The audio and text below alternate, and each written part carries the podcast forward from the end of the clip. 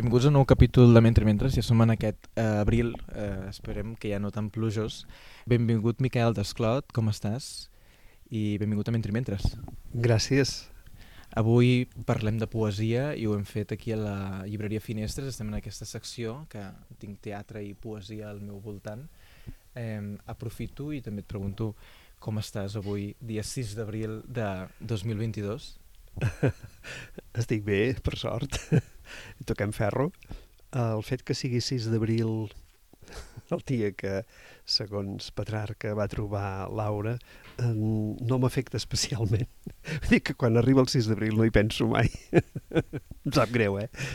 Hem hagut de venir nosaltres, els, els de Mentrimentres, no? Ens vam veure per parlar d'aquest Molière, que finalment, de nhi la repercussió, esperem però que es llegeixi, no? que a vegades és una mica el que ens passa. I que es representi, sobretot. I que es representi perquè és teatre, no? que sempre quedem sí. en aquests espais eh, força complexos. A mi m'ha cridat l'atenció això que estiguem en l'any del, del quart centenari de Molière i ningú no hagi muntat una obra de Molière. El text no és moda, ja ho saps, en els escenaris... Ho sé perfectament, passen, sí. Passen altres coses en els sí, escenaris. Sí. Avui hi ha dos volums, però n'hi ha un que li donarem sobretot importància, que és aquestes aventures que tens amb l'editorial, no? que també té llibreria Vitela.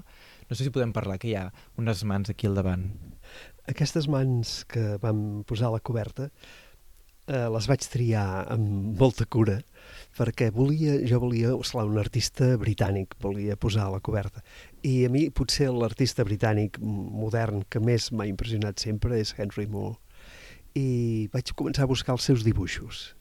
I finalment vaig trobar unes mans de l'any 77, quan ell tenia 70 anys, si mal no recordo, i vaig dir, ostres, això, si ens ho deixen posar, seria preciós, perquè són les mans d'un treballador de, de l'escultura, són unes mans molt treballades i molt treballadores.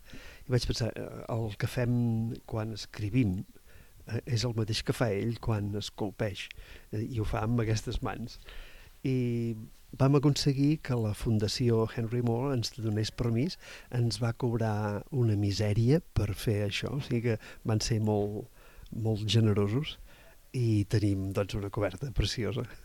I en, en relació a aquesta vella dama, sense pietat, eh, avui dedicarem part d'aquest programa i m'agradaria insistir en què és aquest llibre, perquè aquest llibre podria ser un recull de poesia estrictament, però per exemple no hi apareixen no, els originals i en les teves versions, les teves traduccions. Um, què hi pot trobar el lector en aquest volum? El que hi trobarà són, no sé exactament quantes, però unes 200 poesies. I espero que siguin poesies, no traduccions de poesia, sinó poesies. Aquesta és la raó per la qual no hi vam incloure els originals, perquè la meva idea sempre ha estat que quan tradueixes poesia estàs escrivint una poesia i que, per tant, ha de tenir valor per ella mateixa. No ha de ser només una ajuda per llegir l'original. Si no té valor per ella mateixa, a mi no m'interessa. Eh, ja em llegeixo l'original, si de cas, si sé la llengua en, en qüestió. Per tant, no hi vam posar el text anglès primer perquè seria un llibre de 700 pàgines i no el compraria ningú. per tant, això és una raó de pes però la idea general ja abans que en parléssim d'això de l'extensió ja era aquesta, que si és un llibre de poesia ha de ser vàlid per ell mateix. Mm -hmm. Per tant, he procurat sempre que les poesies es puguin llegir, això, mm -hmm. com a poemes autònoms. I si vols, començarem a llegir cosetes, perquè jo crec que avui també serà important que passem per aquí. Sí. Hi ha un poema que crec que escoltes a la ràdio, no sé si ens pots donar més detalls. El poema de Thomas Hardy. Efectivament, sí. És una poesia que jo vaig sentir a la ràdio de la BBC quan vivia a Anglaterra, a Durham, i em vaig quedar clavat a la cadira i vaig pensar, ostres, això, això s'ha de poder dir un dia en català. I vaig trigar anys a posar-m'hi, però finalment un dia m'hi vaig posar i vaig veure que sí, que fluïa, que, que em sortia. I m'impressiona, perquè és, és una poesia esplèndida, però m'impressiona aquesta, aquesta habilitat que tenia Thomas Hardy, que d'un d'una cosa tan circumstancial com és un naufragi, un naufragi molt sonat, naturalment, però com és capaç de transcendir-ho d'una manera genial, cosa que no saben fer tots els poetes del món ni de bon tros. Uh -huh. agafar un, una circumstància petita de la vida i construir-ne un poema transcendent. Mm -hmm. Això ho trobo admirable. Mm -hmm. Ara no sé si podem viatjar en aquest poema um, per començar i, i et demanaria, sisplau, si ens els pots llegir sí. i doncs a partir d'aquí comencem oh, i, tant. Uh, i el comentem. Es diu La convergència de tots dos i són, hi ha un subtítol que diu Versos sobre la pèrdua del Titànic. En un abisme en soledat, lluny de la humana vanitat i de l'orgull que el va crear, geu ara apaivagat. Cambres de ser sense guspires a les salamandrines pires, que els corrents freds a ritme de marea tornen lires. Sobre els miralls fets justament per emmarcar-hi l'opulent, avança el cuc de mar, grotesc, viscós, indiferent joies en joia dissenyades per fer embogir ments exaltades, seuen amb les espurnes negres, cegues, entelades. Peixos d'ulls grossos en camí guaiten l'equip d'or genuí i diuen «I què hi fa aquest món de vana glòria aquí?» Bé, mentre estava feissonant tal criatura a la tallant, l'abolició immanent que tot ho mou i ho du endavant li ajustava un funest company de semblantment joiós afany. Un cos de glaç encara lluny i separat i estrany. I com creixia l'ample buc en estatura, gràcia i lluc, l'iceberg també en l'ombrívola distància mal estruc. Semblaven aliens ben bé. Cap ull mortal no perceber l'íntima fusió del seu futur – ja tan proper, ni cap indici concloent que s'adreçaven a un conflent on foren les meitats d'un àlgid esdeveniment, fins que el motor dels anys va dir «Ara!» i tots dos ho van sentir i consumant-ho els hemisferis van unir-se així déu nhi eh, No sé si podríem entrar a comentar una mica, no? També com va ser la, la tasca de traducció i aquí quines decisions vas haver de prendre, no sé si també qüestions de mètrica i tot plegat. Uh, Thomas Hardy, uh, sabeu que era novel·lista d'ofici, es va guanyar la vida amb les novel·les, però ell va escriure sempre poesia. I quan es va jubilar de, de novel·lista es va dedicar íntegrament a la poesia.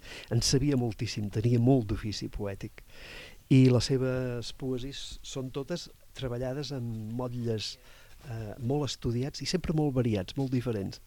Recordo un, una remarca de l'Oden, que, que era un, un orfebre esplèndid, que es meravellava de la varietat de les formes mètriques que utilitzava Thomas Hardy i la llibertat amb què era capaç d'imaginar noves possibilitats. I aquí Hardy juga amb, això, amb un estrofisme que, que s'inventa amb dos versos breus i un de molt més llarg, però en monorrims. Eh? Cada, cada estrofa és monorrima. I jo vaig intentar resoldre-ho igual? Dient va, més o menys el mateix, però resoldre-ho amb aquesta, amb aquesta filigrana que fa ell. I trobo que és que en una poesia no tradueixes només paraules, no tradueixes només semàntica, estàs traduint altres coses, estàs traduint una seducció sonora, formal, que, que és el que fa que aquelles paraules cobrin un significat que no tenien el diccionari, no? Si no, eh, l'operació de poètica seria una altra cosa. Doncs això, això és el que vaig fer. Uh -huh. Hi ha aquest iceberg, hi ha aquest atureu-vos. Sí. Um, hi ha aquesta dimensió no sé si podem dir narratològica, també, de què passa, no? No sé si també ens ajudaries també a entrar, a desgranar també capes de, de significat i de, de què passa també en aquest poema. Uh, el que passa en el poema és que tot d'una estàs parlant d'una cosa molt concreta que podries haver dit uh, en una gaseta periodística. Mm, ara el vaixell s'ha enfonsat i trobes això, però a mesura que va avançant uh, es va aixecant, va aixecant el vol i tot d'una el que està presentant és, és el, el destí o l'atzar, que no sabem mai si és el mateix o no, eh, com eh, dirigeix o, o simplement eh, acompanya les nostres vides. però és aquest, aquest viatge que fa des de l'anècdota, trivial fins i tot, si vols, d'un vaixell que s'enfonsa, i tot d'una això cobra una, un significat i una transcendència que no havies eh, pogut sospitar al començament. Hem començat amb aquest poema, no sé si et sembla que puguem passar-ne d'altres. Eh, aquest sí que tenia molt clar que podíem començar per aquí, però n'hi ha molts altres. No sé si vols... Eh, provem un a l'atzar o si tens algun que diguis podem anar a la Dickinson o podem anar a algú concret. Mira, uh, si el trobo, perquè, és clar, no me'l no me sé de memòria per saber on paren, però hi ha un poeta que em van fer descobrir uh, uns amics escocesos, poetes, que es deia Robert Garrioch, i que aquí, evidentment, no, no ha transcendit, no és conegut, però em fa gràcia llegir-vos aquesta poesia perquè diu Jo de vell. I us el llegeixo perquè és que jo acabo de fer 70 anys i aquí l'home es pregunta això. Diu, jo de vell com seré, no? Que Déu m'atorgui mercè tanta, si mai arribo a fer els 70, que el fill no dugui jo en renou, aquest que sóc els 39, i trepat i rectificat pel temps, no el vegi pas oscat com un cilindre vell, ni adscrit per sempre un règim avorrit puc esperar que la bellesa atenyi un bri de saviesa acordada amb la calva clara i que no oblidi el que sóc ara. I que no oblidi el que sóc ara. Eh, ara m'estava fixant, podem si vols comentar també, no? El que no oblidi que sóc ara i ara entenc per què has triat el poema. eh, també hi ha una qüestió molt vinculada a com llegim poesia, no sé si estàs d'acord amb mi, que l'altre dia també, en algun moment, mentre ha aparegut aquesta qüestió de l'entonació, del ritme, de, de tot plegat, eh, perquè aquí hi ha, diríem, moltes maneres de fer-ho. Sí, és clar. Penseu que la, la poesia es, va, va néixer cantada. La humanitat va descobrir la poesia cantant. Cantant va descobrir que era capaç de transmetre emocions i cantant va descobrir que, és clar que deia paraules i que eren les paraules cantades les que emocionaven. Per tant, la poesia és sonora d'entrada. I és cert que als últims segles això s'ha anat perdent, però l'essència del llenguatge poètic continua sent sonor eh? continuem escrivint en vers o continuem escrivint rítmicament, per tant, continuem escrivint musicalment, encara que després no el diguem en veu alta. Però jo trobo que la poesia guanya molt més en, en veu alta que no pas en silenci. I la prova és que quan llegeixes poesia al públic, l'agafa molt abans que quan la llegeix en privat. Uh -huh. I en particular els nens, jo vaig bastant per escoles predicant la bona nova, eh, els nens són molt receptius a la paraula dita, a la poesia dita. I perquè tenen un, un sisè sentit, no sé si dir-ho així, que és que ells entenen la música de les paraules. Encara que no entenguin el significat, no els importa. Encara que no entenguin la semàntica, entenen la música. Eh? I per tant, són capaços de, de copsar allò que el mateix Eliot deia que llegint Dante sovint no l'entenia però ja el fascinava. Doncs aquesta actitud que els nens saben tenir és la mateixa que tenia Eliot. És a dir, que entremig nosaltres hem perdut alguna cosa. I pel que fa a la tradició de recitar en llengua catalana, no sé si també has fet un exercici o tens al cap un, gairebé, gairebé un exercici d'antropologia i tens referents. Alguns referents sí que en tinc perquè afortunadament hi ha hagut gravacions. Eh, jo vaig tractar bastant eh, durant uns anys en Josep Palau i Fabra. Josep Palau i Fabra, que era sort, tenia una fascinació per la paraula dita i se sabia milers de versos de memòria. No seus, eh? De, de Sagarra, de, dels grans poetes catalans. I eh, per mi era un mestre, ho sabia fer molt bé, amb una paraula molt clara, amb un, amb un tempo també molt apropiat. Després he sentit, per exemple, en Carné, que també, déu nhi si el recordeu ja, eh, recita un poema llarg, El dia revol, que és impressionant. El recita de gran, perquè se li nota que la veu és d'un home gran, però és que fa, fa molta impressió. Després hi ha l'Espriu, que es llegia amb una veueta així tota prima i tota aguda que no acaba de convèncer, o en Riba, que també diu les poesies amb molta convicció, però potser la veu tampoc no l'acompanya. El timbre, el timbre també és important en la comunicació, com els músics saben molt bé. Per tant, potser hi ha poetes que no els acompanya el ritme, ai, perdó, el timbre, uh. Però en canvi els acompanya la dicció.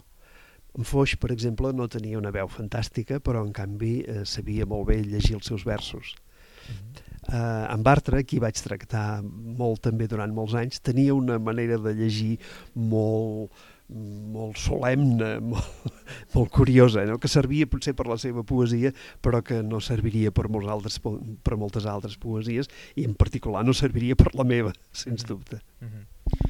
No sé si podem fer-ne ja un, un d'últim i també que ens els puguis triar tu.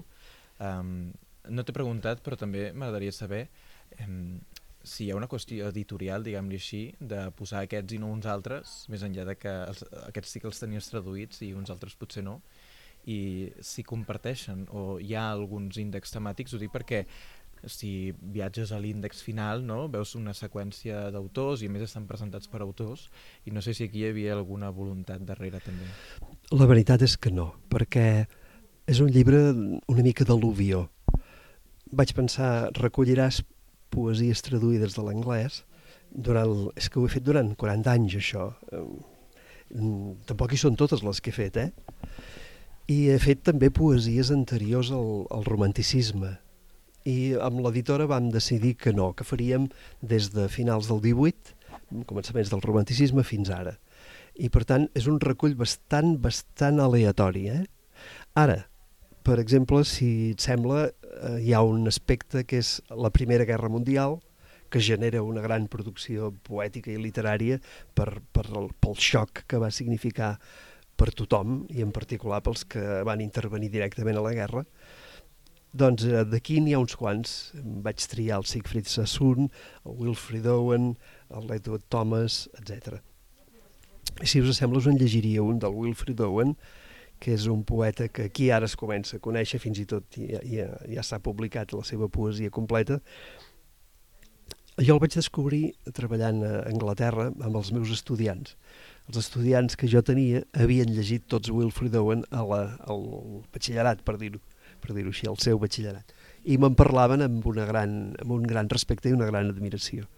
I així el vaig descobrir i vaig començar-lo a llegir però el vaig començar a traduir més tard, força més tard. I us en proposo una poesia breu, que és Paràbola del vell i el jove.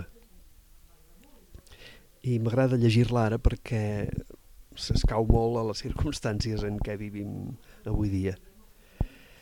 Diu així Abraham s'alçà, estallar la llenya i partir amb el foguer i un ganivet. I com que els dos vivien junts a casa, Isaac, l'hereu, parlà i digué «Oh, pare, veig els preparatius i el foc i el ferro, però on és el xai del sacrifici?» Abraham lligà el noi amb senyidors i vestí parapets allí i trinxeres i aixecà el ganivet per matar el fill.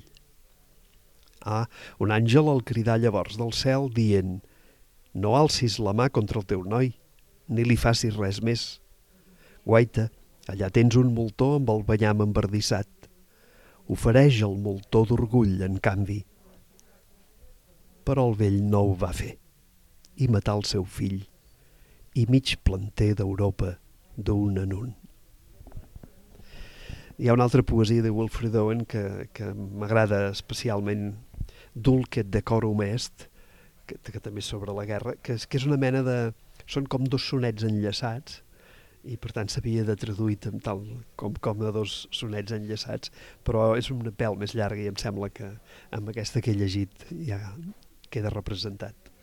Ara també, primer hi ha una qüestió d'un tema bíblic, que després fas, es fa no? aquesta referència a l'Europa, però en aquest cas fas el salt, i com a vegades els elements teològics també penso en novel·la no? per parlar de, del fenomen de la Primera Guerra Mundial eh, mentre, mentre han passat i passaran també algun Leviathan i algunes històries de Joseph Roth um, com també no? uh, aquí també hi són presents. Um, però has comentat abans no? el tema de, de traduir poesies completes, o completes, o senceres, o selectes, o no sé a vegades en quines tendències. Uh, el més a prop que has traduït de selecte, en aquest cas, o, o de complet, ho tinc aquí en canvi, no? i és el aquest cançoner de Petrarca, però abans d'entrar-hi, eh, quin sentit pot tenir que traduïm amb tanta efervescència obres completes? Jo penso que no cal. És a dir, l'obra completa d'un autor foraster que, que tingui 500 pàgines, posem per cas, al català, eh, no sé si té gaire sentit, perquè si ja no llegim l'obra completa de Carné, posem per cas, o de Riba, no sé a què treu cap que vulguem llegir l'obra completa, que a més a més serà traduïda i sempre, doncs, com que són 500 pàgines, posem per cas, doncs s'ha traduït de pressa i, per tant, eh, no amb la finor amb què deu tenir l'original. Per tant, em sembla que potser no cal obsedir-se amb aquesta dèria de tenir-ho tot. Uh, jo m'estimo més tenir 50 poesies ben traduïdes d'un poeta important de fora, que no vas tenir tota la seva obra completa traduïda més, uh, més així subsidiàriament, eh, o més, més utilitàriament. Mm -hmm. Mm -hmm. I també això va aparèixer durant el temps, on l'extensió del temps, i tinc a les mans aquest cançoner de Petrarca, Primer una pregunta que potser no té res a veure, eh? però a mi em va donar la sensació eh, que no se'n va parlar gaire a nivell de mitjans, recepció i tot plegat. També és molt difícil de dir, però a mi em, em, em feia falta no? el, el documental, el 33, de, del Patracol, que significava fer això. A més, va, va fer una segona edició molt ràpid sí. i ara tirem d'aquesta segona edició i a veure quan toca la tercera. Això va, com sempre, amb les distribuïdores. Per cert, torno a insistir, i això que la gent de proa s'apunti que encara els distribuïdors no tenen el teu volum de teatre per tant, que el, que el reimprimeixin, per favor, perquè si no, no sabrem com llegir Macbeth, ara que sempre Macbeth està de moda. Um, tornem al cançoner. El patriarcol, el no? Patriarcol. Um, sempre deies, no? O has dit, això sí que ho has dit, no? El tema de l'herència d'Ausias Marc que et va demanar que solucionessis, dit així, l'Àngel sí, Crespo. L'Àngel Crespo sí que havia traduït Dante, havia traduït Petrarca. Quan li vaig ensenyar les meves primeres traduccions, jo no tenia intenció de fer tot el Petrarca. Eh?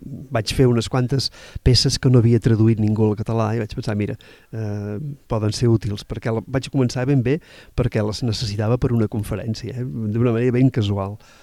I quan vaig ser amb, amb l'Àngel Crespo va dir, home, diu vostè hauria de fer tot el cançoner perquè ho deu a l'herència d'Ausias Marc. I l'home tenia raó, perquè que el llibre poètic més important dels últims segles, el que ha tingut més influència en la poesia occidental durant els últims 700 anys, que no el tinguéssim en català, que no, ningú s'hagués preocupat de tenir-lo en català, era realment xocant uh -huh. i semblava ben bé un, un deute, un forat a omplir d'una manera o d'una altra. Aquí hi ha un problema, per dir-ho d'aquesta manera, que això és el que escoltem a vegades quan es fan conferències i tot plegat, i deixem-ho dir així, eh, que és llegir Petrarca a partir del patriarquisme. No sé si estàs també d'acord amb mi, però clar, tu no, tu hi has, hi has barallat vers a vers. Sí, el patriarquisme, esclar, neix pròpiament neix a primers del segle XVI, quan Petrarca havia mort el 1374. Eh, per tant, feia molt de temps.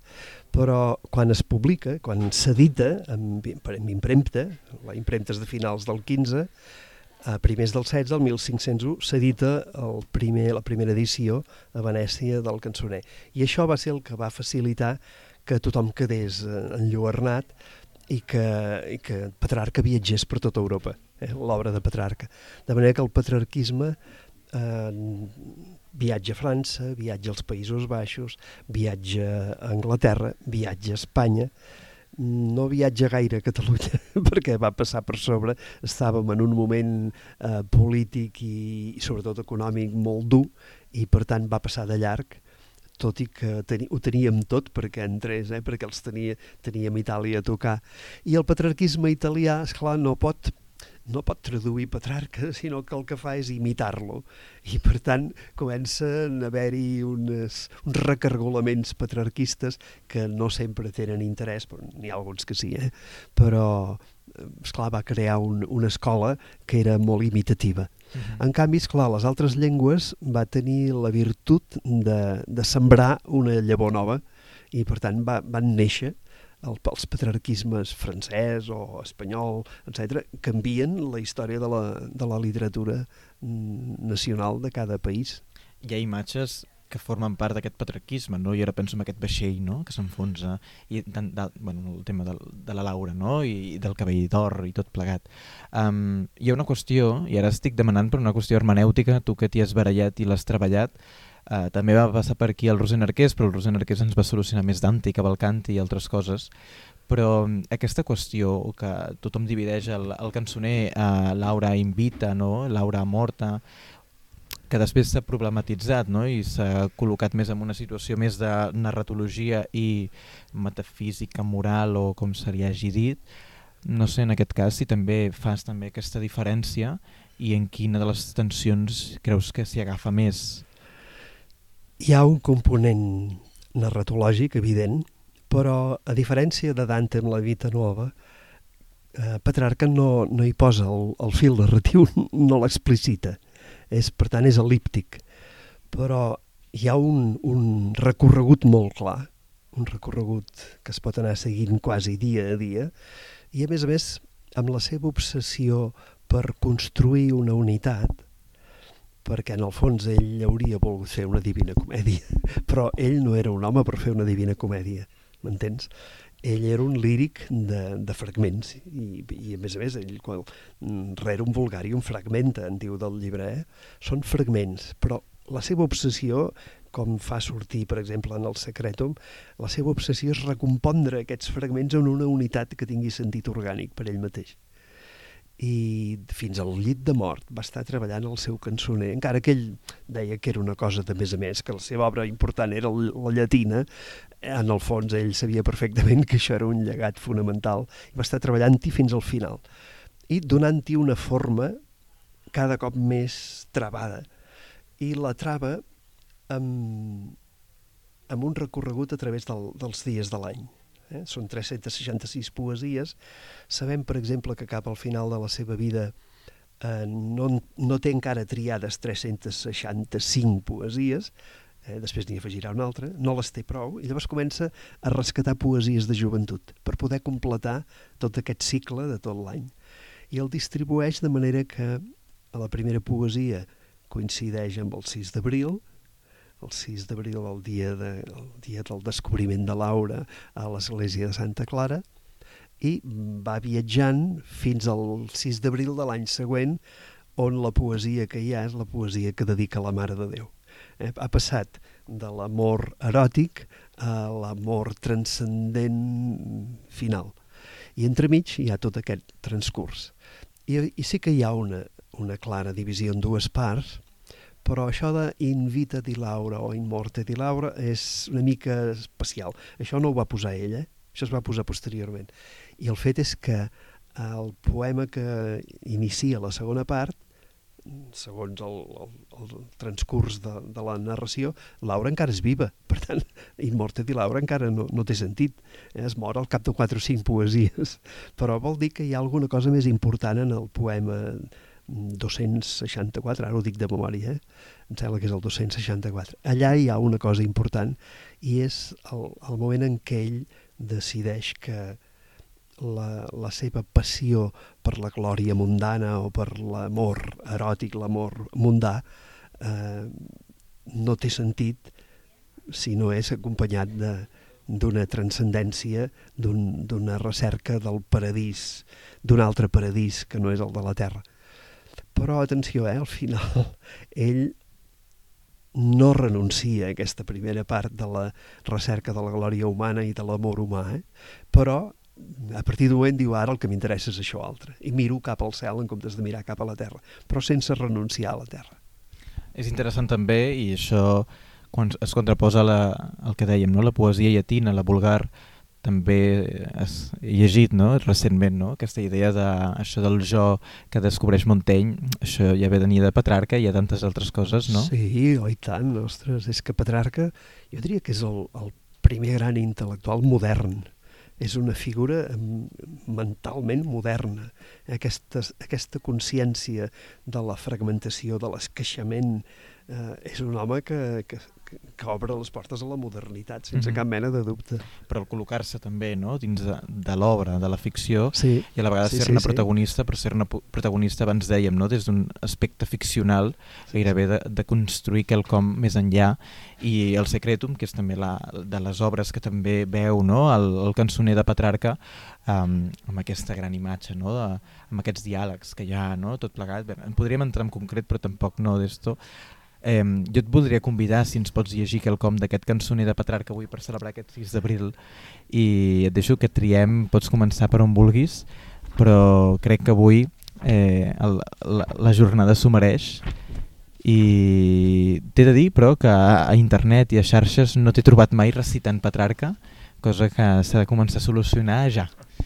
El meu fill eh, em va dir, diu, pare, et regalarem un micròfon perquè gravis tot el cançoner un per un, les 366 que poesies. si t'ho proposa algun editorial digues que no, perquè per eh, experiències pròpies m'han comentat que això de l'audiollibre no es paga gaire bé. Per tant, eh, en tot cas, demanem una subvenció i ens muntem un podcast només de, de tu recitant Petrarca dia a dia. Doncs de bon grat. De bon grat. Avui per començar aquest primer podcast de, de, de lectura de, de Petrarca... Et sembla que en llegim un parell? I tant.